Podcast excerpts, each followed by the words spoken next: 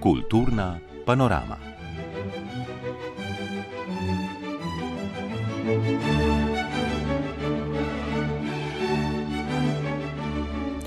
Drage poslušalke, dragi poslušalci, lepo pozdravljeni in vabljeni k poslušanju naše tedenske oddaje o kulturi.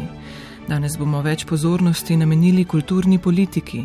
Vtisi seje odbora za kulturo v državnem zboru ter novinarske konference Društva asociacija kažejo, da na tem področju vlada globoko nestrinjanje med Ministrstvom za kulturo ter opozicijo in predstavniki nevladnih organizacij.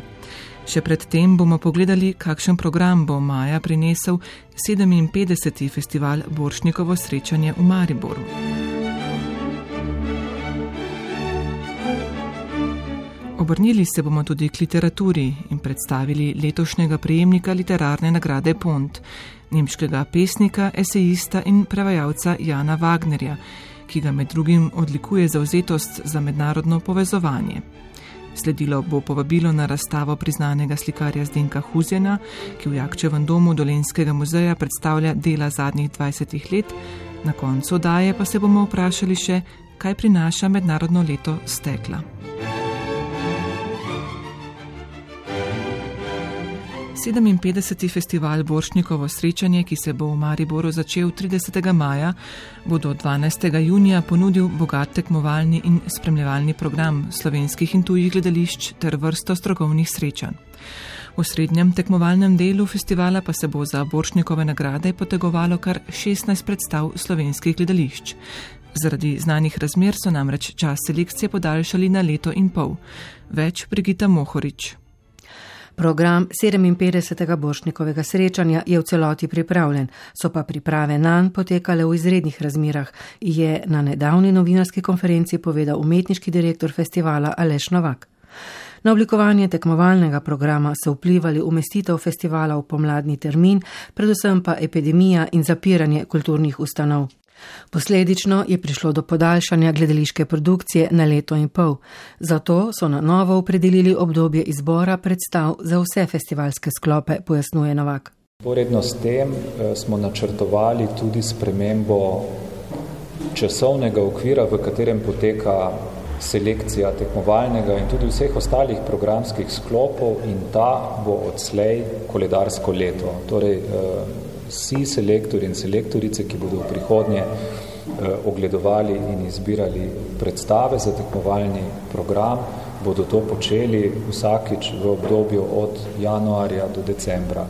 Zaradi podaljšanja sezone bo v tekmovalnem programu letos na ogled kar 16 predstav, kar bo posebnost tokratnega festivala. Sveda ta, to daljše obdobje je narekovalo tudi to temeljno programsko ali pa konceptualno odločitev, ki bo gotovo v najpomembnejši meri zaznamovala letošnji festival Bošnjakovo srečanje in to je, da je število uprizoritev, ki so izbrane v tekmovalni program, znatno više od običajnega. Selektorica 57. festivala Nika Leskovšek si je med 7. julijem 2020 in 31. decembrom lani ogledala 192 predstav, ki so se potegovale za uvrstitev na festival. Večina uprizoritev je nastala v institucionalnih gledališčih, druge v nevladnih ustanovah, tudi s tujimi producenti.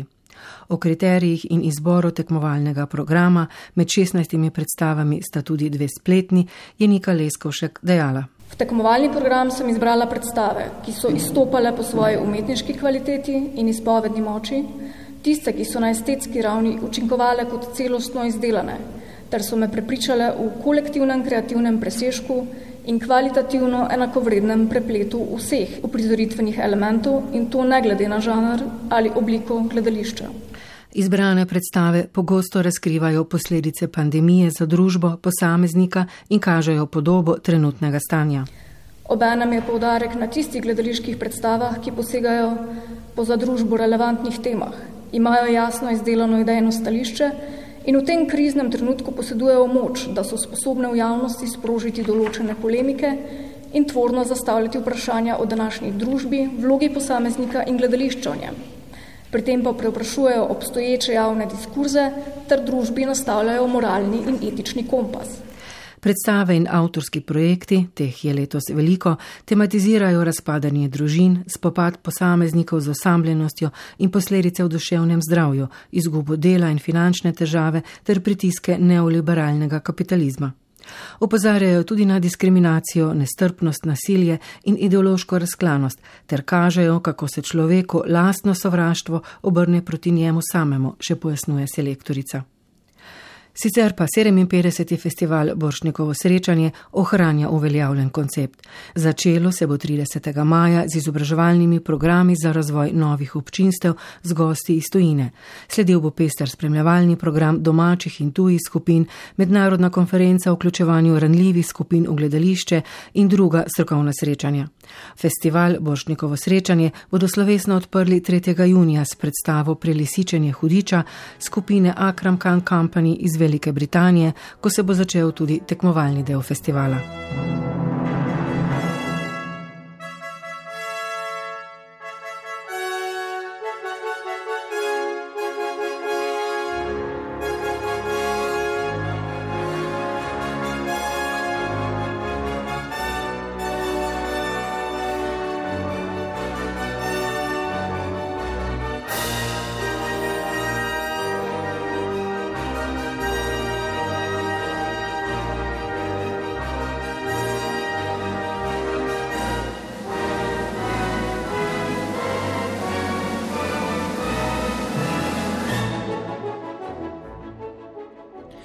Asociacija Društva nevladnih organizacij in posameznikov na področju kulture je v začetku tedna pripravila tradicionalno tiskovno konferenco ob kulturnem prazniku. Predstavili so svojo dejavnost in ob tem upozorili na nekatere vprašljive poteze Ministrstva za kulturo, ki so poslabšale položaj nevladnih organizacij in samozaposlenih v kulturi. Urban Tarman.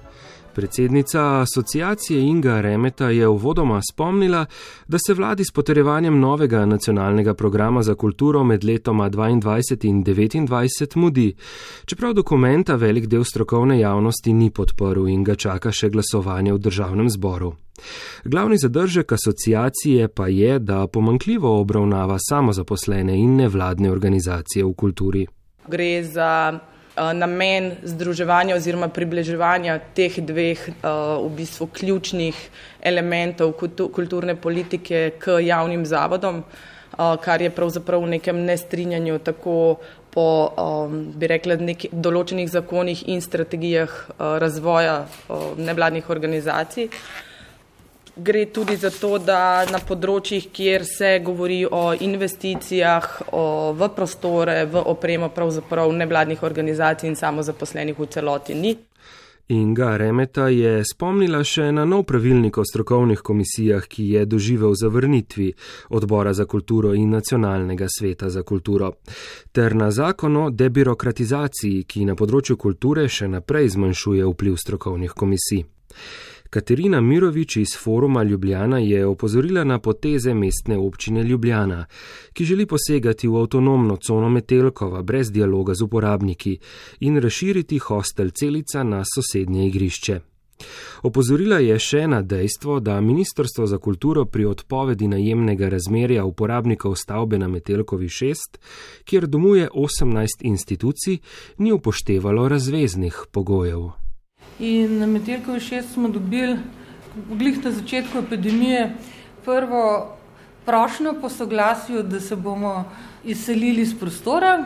In seveda nismo temu nasprotovali, ne, ker imamo pač pogodbe, v katerih sta dva razvezna pogoja. Eden je ta, da Ministrstvo za kulturo naredi razpis, na katerem imamo mi pač prednost. Drugi razvezni pogoj je to, da oni nam eh, najdejo nadomestne prostore v primeru da pač prvi razvezni pogoj ni izpolnen. E, oboje se seveda ni zgodilo. Katerina Mirovič je opozorila, da so na Metelkovi še druge stavbe s pisarniško dejavnostjo, kjer bi lahko mesto našel prirodoslovni muzej Slovenije. Spomnila je še, da je bila prav stavba na Majstrovi ulici v Ljubljani, kjer je danes ministrstvo, nekoč namenjena nevladnim organizacijam, samozaposlenim in njihovim ateljejem. Umetnica Irena Pivka je predstavila problematiko samozaposlenih. Opozorila je na vrsto nepravilnosti pri postopkih pridobivanja in podaljševanja statusa samozaposlenih v kulturi, pri čemer so vlagateljem preprečili v pogledu dokumentacijo, večjih celo po njenih navedbah ni prejelo odločbe. Ministrstvo tudi ni sočasno odločalo o statusih, statusu samozaposlenega in statusu upravičenca do plačila socialnih prispevkov. Opozorila je še na razpis za štipendije za mlade, za katerega je starostna meja po novem 29 in ne več 35 let, kar po njeni oceni pomeni, da bo samo 6,5 odstotka samozaposlenih do nje upravičenih. Poleg odsotnosti karierne dinamike in krajših bolniških nadomestil se pojavlja nov problem, da bodo strani ministerstva plačani socialni prispevki po interpretaciji Fursa verjetno upoštevani kot prihodki upravičencev, ob tem, da cenzus ostaja nespremenjen - 20 tisoč evrov bruto. Po oceni Irene Pivka to pomeni, da bo tretjina samozaposlenih že plačane prispevke morala vračati. Strokovna sodelavka asociacije Polona Torkar je povzela splošno sliko. Ministrstvo za kulturo ima letos zagotovljena zadostna, celo rekordna skupna sredstva za kulturo, vendar so se ob rebalansu proračuna za letošnje leto zmanjšala sredstva za spodbujanje kulturne ustvarjalnosti, torej postavke, iz katere se financira delovanje nevladnih organizacij v kulturi. Posebej je zapostavljeno področje intermedijskih umetnosti. V nobenem primeru ni bilo eh, namere ministrstva delovati do NVO sektorja razvojno v smislu višanja števila upravičencev, pa tudi višanja namenjenih sredstev. Po besedah direktorice zavoda Maska Alje Lobnik, Ministrstvo za kulturo ne razume ekosistema nevladnih organizacij, ki skupaj z javnimi zavodi sestavljajo kulturno krajino. Hkrati pa so edine, ki se ukvarjajo z določenimi področji, denimo sodobnim plesom. Potem je drug povdarek, ki se mi zdi ga vredno izpostaviti ta, da Ministrstvo za kulturo pravzaprav ni odgovoren gospodar, nekako eh, ne ravna v skladu z tem, kar je v preteklosti uh, počel in sicer vlagal v organizacije, ki so danes dobro stoječe, ki dosegajo vrhunske rezultate in uh, jih praktično z tem, ko jim nekako jih ne sprejme v programsko sofinanciranje, ne le otežkoča nadaljno življenje, ampak pravzaprav jih do te mere destabilizira, da pravzaprav to pomeni počasno umiranje za organizacije. Kot je povdarila, Ministrstvo za kulturo kaže nerazumevanje celo do črpanja evropskih sredstev, ki mora imeti podporo nacionalnega financerja. Dodala je, da pogreša dialog in ponovno uvedbo pritožbe v postopkih, ki jih zdaj kot edino pravno sredstvo nadomeščajo tožbe, ki pa so, kot vemo, drage in dolgotrajne. Andrej Sevšek iz društva Kapa je opozoril na glasbena prizorišča, ki so se iz stoječih koncertov preselila v dvorane sedišči, s katerimi razpolagajo le večji javni zavodi cela politika je šla pa na to, da so v bistvu gledali prostore tipa Cankarev dom in podobne, ker se je pač dalo izvajati prireditve, v ostalih prostorih pa ne, da so bili v bistvu pri tem izključno favorizirani javni zavodi, ki so imeli sredstva, da so si prvoščili s tretjino kapacitete pač delati in zdaj se ta politika praktično nadaljuje na tem, da je v bistvu pač neka klubska scena totalno izbrisana iz Ministrstva za kulturo. Na tradicionalni tiskovni konferenci društva Asociacija je Luka Frelih iz društva Ljudmila spregovoril o intermedijski umetnosti, ki je relativno mlado področje in Sloveniji nima javnega zavoda, zato je v celoti odvisno od nevladnih organizacij. Sredstva, ki jih pridobivajo od Ministrstva za kulturo, že leta stagnirajo, kar ne omogoča profesionalizacije. Bojim se, da, da bo zelo velikega dela dosedajnega in nekega uspešnega dela pač uh, se razletelo v štirih letih, če uh, pač ne bomo res imeli uh, spet še en blazne, blazne sreče na drugih uh, virih, ker pač dejansko v Sloveniji uh, jih ni. Frelih je spregovoril še o dveh nacionalnih spletnih portalih, ki so ju vzpostavili v Ljudmili. To sta kulturnik in culture.si, ki pa sta v lasti Ministrstva za kulturo. Kot je povedal Frelih, je ministrstvo na razpisu za novega upravitelja portalov izbralo založbo Beletrina, pri čemer sam domneva, da je bil razpis prirejen z mislijo na izbranega izvajalca.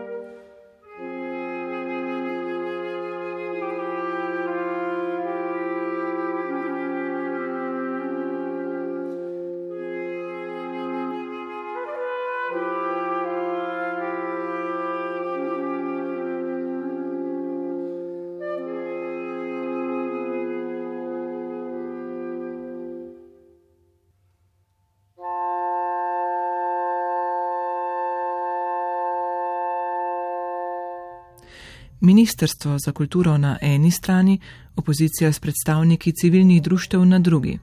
Tako bi lahko opisali potek seje odbora za kulturo v državnem zboru na temo ukrepov na področju samozaposlenih v kulturi med epidemijo.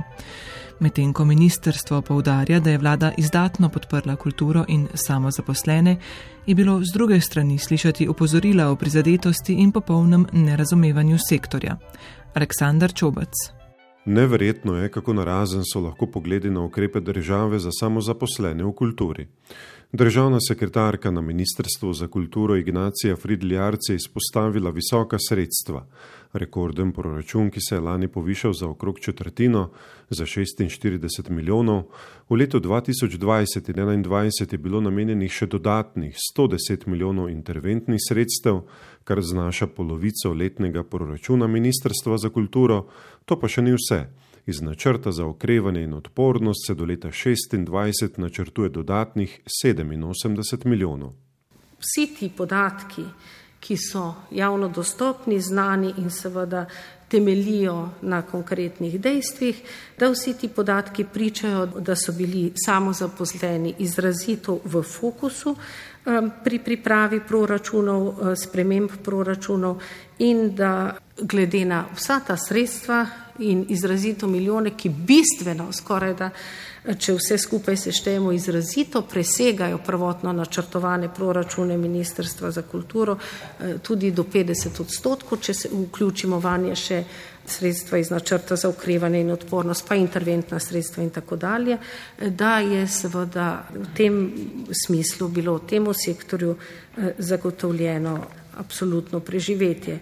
Da pa to eh, Ministrstvo za kulturo pa je izrazito orientirano v to, da podpira ustvarjalnost, torej da se ponovno revitalizira ustvarjalnost na področju kulture, ne pa neki socialni transferi za nadaljne temeljne mesečne dohodke in podobno.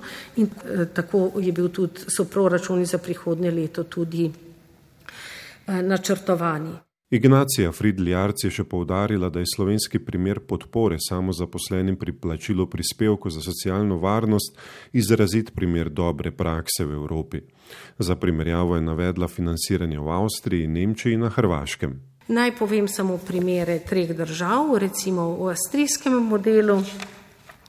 Prispevke samozaposlenih subvencionira poseben sklad, za pridobitev pravice mora samo zaposleni dosegati spodnjo mejo dohodkov in ne presegati določene zgornje meje. Spodna meja je 5830 evrov, zgornja 31580, vendar ne glede na to, koliko višji BDP ima država Avstrija, višina prispevkov, ki jih lahko posameznik prejme iz sklada, znaša letos največ 158 evrov na mesec oziroma na leto največ 1896 evrov. Slovenski samozaposlen kulturni ustvarjalec v Sloveniji pa prejme mesečno nekaj več kot 400 evrov tega eh, prispevka za socialno varnost, torej okrog 5000 evrov letno, eh, kar pomeni več kot dvakrat več. Po nemškem modelu morajo biti eh, samozaposleni umetniki in publicisti, ki letno zaslužijo vsaj 3900 evrov, obvezno zavarovani pri tako imenovanem skladu KSK. Za obvezno socialno zavarovanje morajo prispevati polovico prispevkov iz lastnih žepov, 20 odstotkov prispeva država, 30 pa podjetja, ki delujejo na področju umetnosti in medijev. Posameznik, ki ima približno 10 tisoč evrov dohodkov, mora prispevati 930 evrov za svoje pokojninsko zavarovanje, 730 evrov za zdravstveno in tako dalje. Torej eh, skupaj tudi do 1850 evrov. V Sloveniji pa vemo, da je ta prispevek za socialno varnost tistim, ki imajo to pravico, seveda plačan v celoti. In naj še poudarimo, da je tudi delež samozaposlenih v kulturi v Sloveniji ki ima pravico do plačila prispevkov v Sloveniji visok, to je okrog 2400 oseb. Če primerjamo to z podatki spletne strani na Hrvaškem, ima pravico do plačila prispevkov, ne glede na to, da ima država dvakrat več prebivalcev kot Slovenija, eh, ima to pravico samo 1428 oseb. Ob tem je državna sekretarka poudarila še, da Slovenija financira kulturo v višini 0,6 odstotka BDP-ja na prebivalca, kar je precej več nad evropskim povprečjem, ki je 0,4 odstotka. Pa vendar njene besede niso naletele na navdušenje. Še več, nad njeno razlago so bili nekateri vidno razočarani. Boris Mihal iz Združenja dramskih umetnikov in Andrej Sevšek iz Združenja koncertnih organizatorjev. Zdaj, vse to slišano in povedano me napeljuje pač na, na misel, mislim, zelo sem žalosten no, nad, nad tem, kar, kar sem slišal. Uh, ker uh, vidim, da gre za popolno nerazumevanje in pojma kultura, kaj to je, in ustvarjalnosti, za popolno nepoznavanje področja. Torej, prva ugotovitev je, da nujno potrebujemo neko strokovno telo, država nujno potrebuje strokovno telo, ki bi znalo urejati ta vprašanja, ki bo znalo ponujati tudi rešitve, odgovore na ta vprašanja. Pet minut je premalo, da vse skupaj povem, bom nekako orisal, ampak po repliki gospe Friedel Jarc, ki jo prijazno prosim, da nas predstavnike koncertnih organizatorjev Slovenije a, povabi na en sestanek na Ministrstvo za gospodarstvo, ker vam bomo zdaj res podrobno razložili stvari, ki jih, kot je kolega pred mano pač omenil, očitno ne razumete in pač, ki jih Ministrstvo za kulturo spretno ignorira že dve leti. Primož Sitar iz Levice ministrstvu po nekaj ostrih besedah sicer ni odrekel dobrih namenov, vendar. Lahko pa sodimo o dejstvih na terenu, ki so učinkoviti ali pa niso učinkoviti. In danes, po dveh, leti, dve, dveh letih epidemije, po dveh letih zaprtih koncertnih, recimo prizorišč, prihaja ta ping-pong žogica nazaj in pravi, pač stvari ne funkcionirajo. Člani odbora so zavrnili vse štiri sklepe, ki jih je predlagala Levica. No to pa se je seja nadaljevala na temo novega nacionalnega programa za kulturo za obdobje 2022-2029. Predsednica Nacionalnega sveta za kulturo Uršula Cetinski je povedala, da bi bilo dobro, če bo spred čim prej, saj smo že štiri leta brez njega. Večjo pozornost bodo namenili akcijskemu načrtu, ki bo spret naknadno in bo podal tudi konkretne ukrepe za izvedbo nacionalnega programa. Pri asociaciji so bili do dokumenta kritični, ker ne naslavlja ustrezno samozaposlenih, prav tako v sindikatu Glosa, kjer so imeli še več pripomb. Odbor je ob koncu sprejel nekaj redakcijskih dopolnil, usoda novega nacionalnega programa za kulturo je tako zdaj v rokah poslank in poslancev, ki bodo o njem glasovali na eni izmed prihodnjih sej državnega zbora.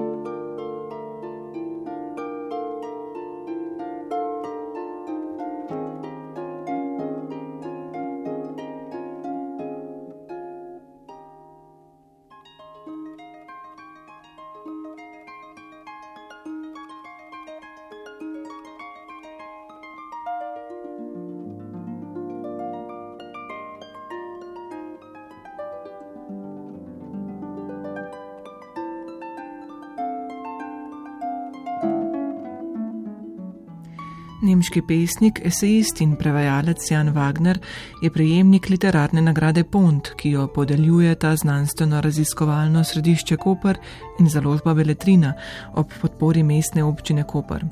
Wagner je nagrado dobil za prodoren pesniški in esejistični opus ter zauzetost za mednarodno povezovanje s posebnim občutkom za vseevropski kulturni okvir. Ob tej priložnosti je Wagner v torek 15. februarja nastopil v Ljubljani, na to pa še v Kopru, ko so mu 17. februarja podelili nagrado. Slovenskemu občinstvu pa se ni predstavil le z branjem poezije in pogovorom, temveč tudi s knjigo izbranih pesmi z naslovom Autoportret z rojem čebel. Več pa prispevku Gregorja Podlogarja. Pesnik srednje generacije Jan Wagner je pri nas nastopil že večkrat. Pred leti se je predstavil na dveh literarnih festivalih, na dnevih poezije in vina ter na festivalu Vilenica. Tokrat pa pri nas gostuje kot drugi dobitnik, prvi je bil Josi Posti, nagrade Pont. Wagnerjeva poezija je bila do zdaj prevedena v več kot 30 jezikov, za svoje ustvarjanje pa je bil avtor tudi večkrat nagrajen. Med drugim je prejel tudi prestižno nemško literarno nagrado Georga Büchnerja. Wagner je predvsej nastopal po pesniških festivalih, so v redu je tudi antologijo Grand Tour, ki je eden najbolj celovitih pregledov sodobnega evropskega pesniškega dogajanja v zadnjih desetletjih. In v kakšni kondiciji je sodobna evropska poezija? Sodobna evropska poezija je zelo zanimiva, pa tu ne mislim samo na klasično angliško ali irsko pesniško tradicijo, mislim predvsem na mlajšo pesniško generacijo. Kot že veste, sem souredil antologijo Grand Tour, ki vključuje mlajše pesnike in pesnice, stare do 50 let. Z drugim urednikom sva že prej vedela, da obstaja zelo živahno pesniško dogajanje v Sloveniji ali na Polskem, vendar ko sva pripravljala izbor, sva prišla do mnogih novih odkritij. Zato moram reči, da je trenutno dober čas za poezijo v večini evropskih držav. Nedavno je v prevodu več prevajalk in prevajalcev išel izbor iz Wagnerjeve poezije z naslovom Avtor portret z rojem čebel, ki je ob dodanih novih pesmih in štirih esejih nastal po nemškem izboru z istim naslovom in vsebuje pesmi iz vseh njegovih pesniških zbirk. Knjiga tako Wagnerja predstavlja kot pesnika in kot esejista, kot tistega, ki o poeziji tudi razmišlja. Every new poet is bound Vsak nov pesnik na nek način tiči v pesniški tradiciji in je obsojen na to, da jo bo nadaljeval. Seveda lahko k njej vedno doda nekaj novega. Na srečo imamo danes možnost, da lahko raziskujemo tudi pesniške tradicije drugih držav. Tako lahko združujemo pesniške tradicije in na ta način ustvarimo nekaj novega. Če na primer odkrijemo nekaj zanimivega v sodobni kitajski ali sodobni ameriški poeziji in to kombiniramo s svojo pesniško tradicijo, ter vse to vključimo v svoje pisanje, je velika možnost, da bomo ustvarili nekaj drugačnega, nekaj, kar je pred časom. S tem ustvarimo tudi nov pogled na svet, na poezijo in na samo tradicijo.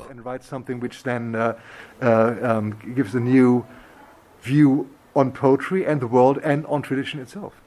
Poezija Jana Wagnerja se zdi preprosta, a ima dodelano strukturo in jasen pesniški izraz, ki temelji na podobi.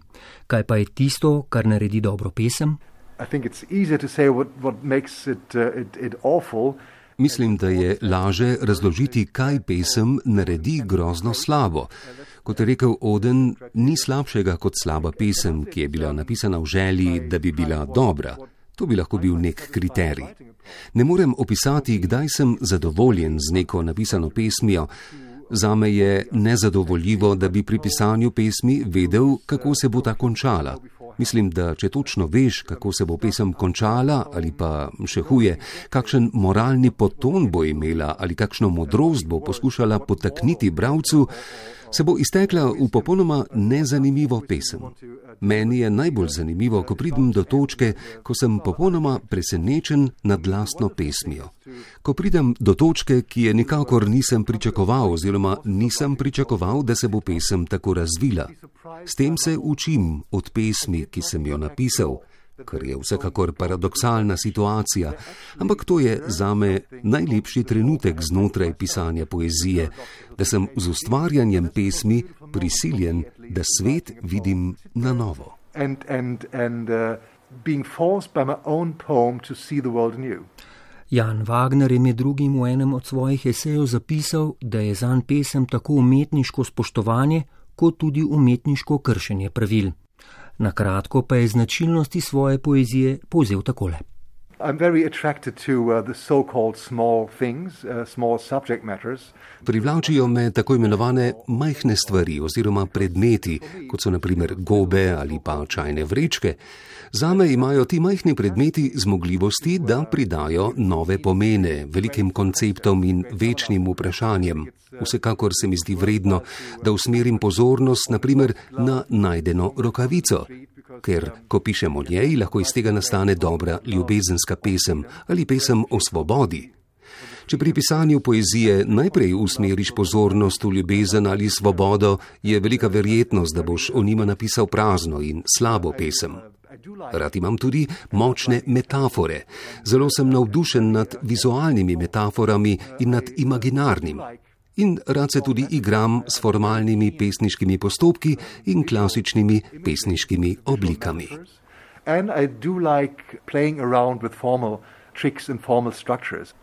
S kombinacijo vsega naštetega Jan Wagner ustvari samo svojo pesniško podobo, ki sledi pesniškemu navodilu Ezre Pounda Make it new, naredi na novo. A to za Wagnerja ni dovolj. V svojih esejih še izpostavi, da pesniške podobe delujejo le takrat, ko jih bralec ali poslušalec poezije sami znajde in jih potem še dolgo nosi v sebi. V tem je pravzaprav čar poezije in predvsem zato beremo poezijo Jana Wagnerja.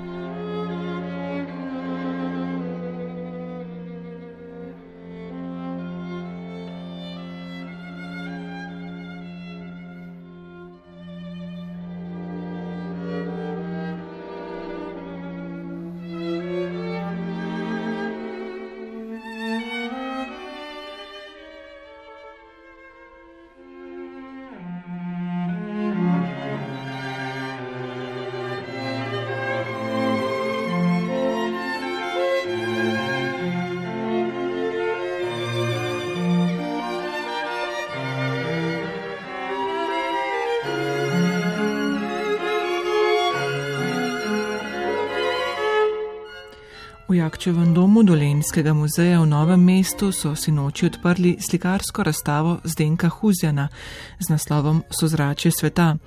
Na ogled so dela, ki jih je umetnik ustvaril v zadnjih 20 letih in predstavljajo v pogled v razmišljanje, dojemanje, doživljanje in občutenje njegovega sveta, ki se razteza od mladostniškega panonskega območja do daljnih dežel, ki jih je preučeval.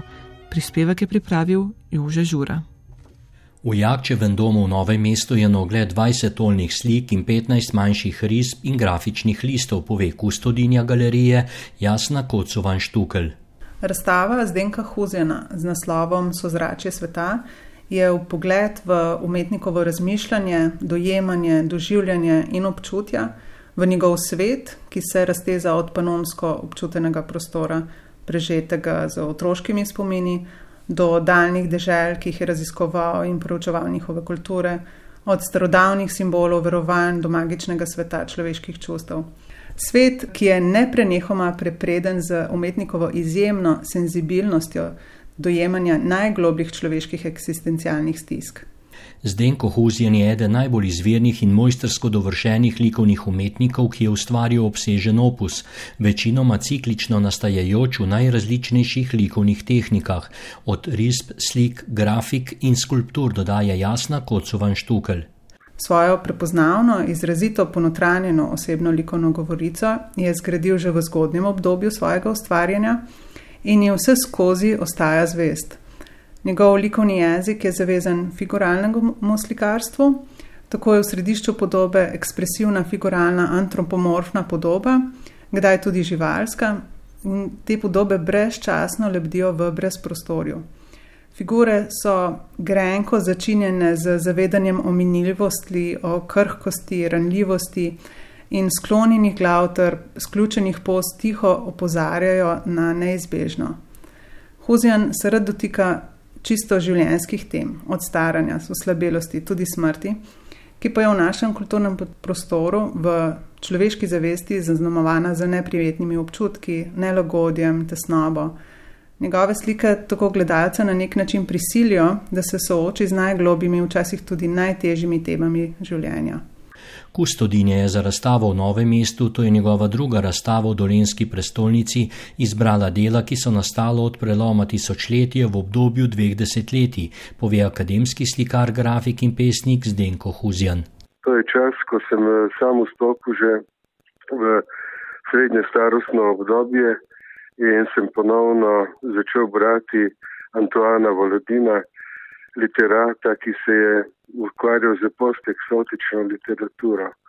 Skratka, takrat se je v mojem slikarstvu naredilo neko ravnovesje, ravnovesje in eh, dela, ki so razstavljena, so nekako porazdeljena iz neke analitične drže v izrazito osebno držo, ko sem se odpovedal psihoanalitičnim eh, razmišljanjem o slikarstvu in uh, ker sem ugotovil, pač, da psihoanaliza na nek način uničuje resnico in sem se lotil potem analize samega prostora, kjer je, kjer je skoraj umanjkal, umanjkal prostor za figuralno slikarstvo, tako da je figuro uh, kot tako nadomestila oblika podoba lobanja kot uh, nek atribut antropomorfne drže. Že omenjeni francoski pisatelj ruskih korenin Volodin meni, da gre pri slikarstvu za predrugačeno stanje zavesti in da za sprejemljiv svet smo stvarniki in prvotni prebivalci mi ljudje, dodaja Zdenko Huzjan. Med temi ljudmi smo posamezniki ne? in kakorkoli smo povezani, smo to še vedno mi sami in uh, k temu se je treba pač obrniti. Naprimer, Eh, Mirko Kovač v svoji knjigi Steklene rešetke govori prav o tem, kako je prepotoval v svet kot pisatelj, skratka kot literat, ampak je vedno ostal samo to, kar je bil on.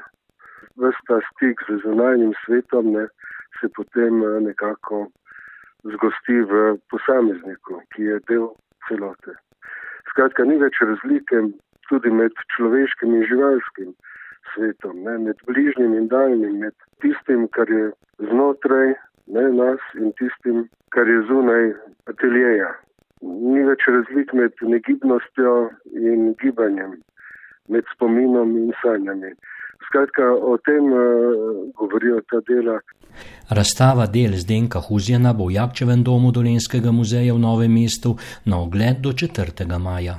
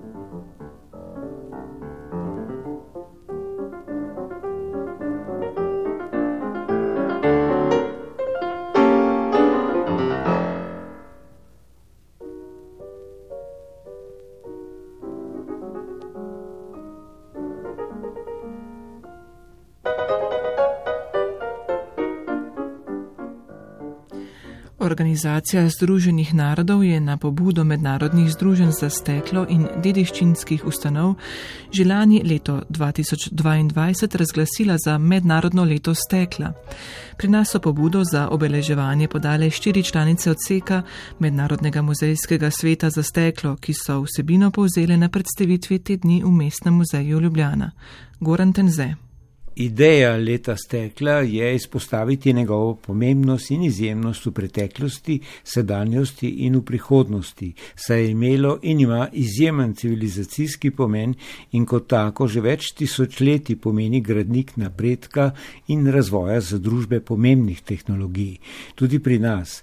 Zato je ena od organizatoric, profesorica z Univerze na Primorskem v Kopru, arheologinja Irena Lazar, tudi povdarila pomen stekla. Ja, steklo je pravzaprav, bi lahko rekli, ena prvih umetnih tvorb, umetnih snovi, ker ga v naravi najdemo samo v obliki obsidijana v zelo majhnih količinah in ga je umetno potrebno narediti iz kremenčevega peska, sode, apnenca in tako dalje. In to je tehnologija, ki, za katero vemo, da so jo poznali že zelo, zelo daleč nazaj, nekaj 3000 let pred našim štetjem, se pravi območje Mezopotamije, območje Egipta je tisto območje, kjer se razvijajo prvi stekleni predmeti, najprej v obliki okraskov, potem pa seveda nastajajo tam okrog 1500 pred našim štetjem tudi prve steklene posode. In že takrat je bilo steklo tako pomembna tvarina, da je bilo poznavanje receptov, eh, kako ga izdelati, zelo velika skrivnost in so imeli vladari monopol nad tem. Če pa, bom rekla, preskočimo v sodoben čas, pa vemo in se mogoče niti ne zavedamo, ne, da tudi v sodobnem svetu visoka tehnologija in tako dalje je prepletena z uporabo stekla. Zato tudi v okviru teh svetovnih dogodkov, ki spremljajo to leto stekla, so med uh, dogajanji na eni strani razstave uh, stekla, razstave oblikovalcev in na drugi strani pa tudi konference o visoki tehnologiji, ki obravnava steklo kot sodoben material, kot material, ki je nujen za tehnološki napredek sodobne sodobnega človeštva, sodobnega časa. Tako bodo na Koperski fakulteti za humanistične študije v začetku oktobra pripravili mednarodno konferenco kjer bomo zbrali tako domače strokovnjake, ki se ukvarjamo z raziskavami stekla, pa naj bo to antično, srednjeveško, sodobno, predstavili bomo muzejske zbirke, eh, delo z gradivom, tudi sodobne slovenske eh, oblikovalce stekla, hkrati pa bomo povabili tudi kolege iz sosednjih držav, navadno je to Italija, Hrvaška, Avstrija, ki bodo seveda v tem kontekstu dopolnili našo konferenco. Umenjena oktobrska konferenca se bo na to selila na delavnico v Narodni muzej na Metelkovi v Ljubljani. Osnovni obris je nakazala kustosine z oddelka za zgodovino in uporabno umetnost Mateja Kos, poznavalka dediščine keramike in stekla samega. Imeli bomo zelo zanimiv program in sicer en del bo posvečen restauriranju in konzerviranju stekla. Pri nas v Narodnem muzeju imamo vrhunskega restauratorja, ki je izumil um, novo metodo restauriranja stekla, ki je postala pomembna v svetovnem merilu. Poleg tega bomo poskušali pomagati kolegom z določanjem stekla, se pravi z temi ekspertnimi metodami, ki smo jih tisti, ki se s tem intenzivneje ukvarjamo, razvili, se pravi, kako lahko določimo, iz katerega obdobja je steklo, mogoče tudi izdelovalca ali pa kaj podobnega, pa zlasti tudi tehniko, ker so tudi tehnike zelo zanimive in intrigantne in pa tukaj se bo pokazalo sodelovanje Društva steklarjev Slovenije. Namreč steklari bodo pri nas v muzeju na Metelkovi dejansko izdelovali steklo in sicer bo izvedeno pihanje pred pečjo oziroma, kot smo rekli, po starem pihanje pred lučjo. To je stara beneška renesančna tehnika, ko se z segrevanjem mehkih količin stekla sestavljajo čudovite, zanimive posode in mislim, da bo to nekaj, česar v resnici ne vidiš. Mi si lahko gledamo proizvodno steklo v velikih steklarnah, ampak tega, kako se pa iz, naredi uh, doma, tako rekoč, brez nekih zelo uh, nenavadnih in nedostopnih pripomočkov, lahko steklena posoda ali pa steklen kipac, to bo pa vidno na naši delavnici. Leto stekla pri nas bo v okviru skupnega projekta po stekleni poti ponudilo kar nekaj razstav in vitrin meseca v treh državnih, petih pokrajinskih in štirih lokalnih muzejih. V Mariborskem pokrajinskem je že od preširnovega dne odprta razstava bogate dediščine pohorskih glažut oziroma steklarn skozi stoletja. Narodni muzej predstavlja zbirko stekla od srednjega veka pa do sodobnosti, Dolenski v novem mestu svojo zbirko prazgodovinskega stekla. Mestni muzej Ljubljana pa je pravkar odprl razstavo Krhko bogatstvo iz zemonskih grobov, ki jo je zasnovala ena od pobudnic leta stekla pri nas, kustusina za antiko, arheologinja Bernarda Županek. Pravzaprav gre za razstavico v naši zakladnici. Naša zakladnica je enak mehen prostor v gotskih ustankih nekdanje kleti v naši turjaški palači, kjer redno predstavljamo novosti iz arheoloških izkopavanj. In ker smo bili nagovorjeni, da pristopimo k letu stekla, za eno tako razstavco smo se odločili pokazati ene krasne najdbe, odkrite lani poleti na Dunajski v Ljubljani. Odkrit je bil del uh, grobišča, severnega grobišča Emone z 41 grobovi in v delu teh grobov je bilo najdenih kar veliko število steklenih posod, med katerimi seveda absolutno izstopa modra posoda na nogi z dvema mehnima ročajčkoma z okrasom barvnih lis, barv svetlo-modre, rumene, bele iz druge polovice prvega stoletja. V mednarodnem letu stekla pri nas sodeluje tudi Društvo steklarjev Slovenije.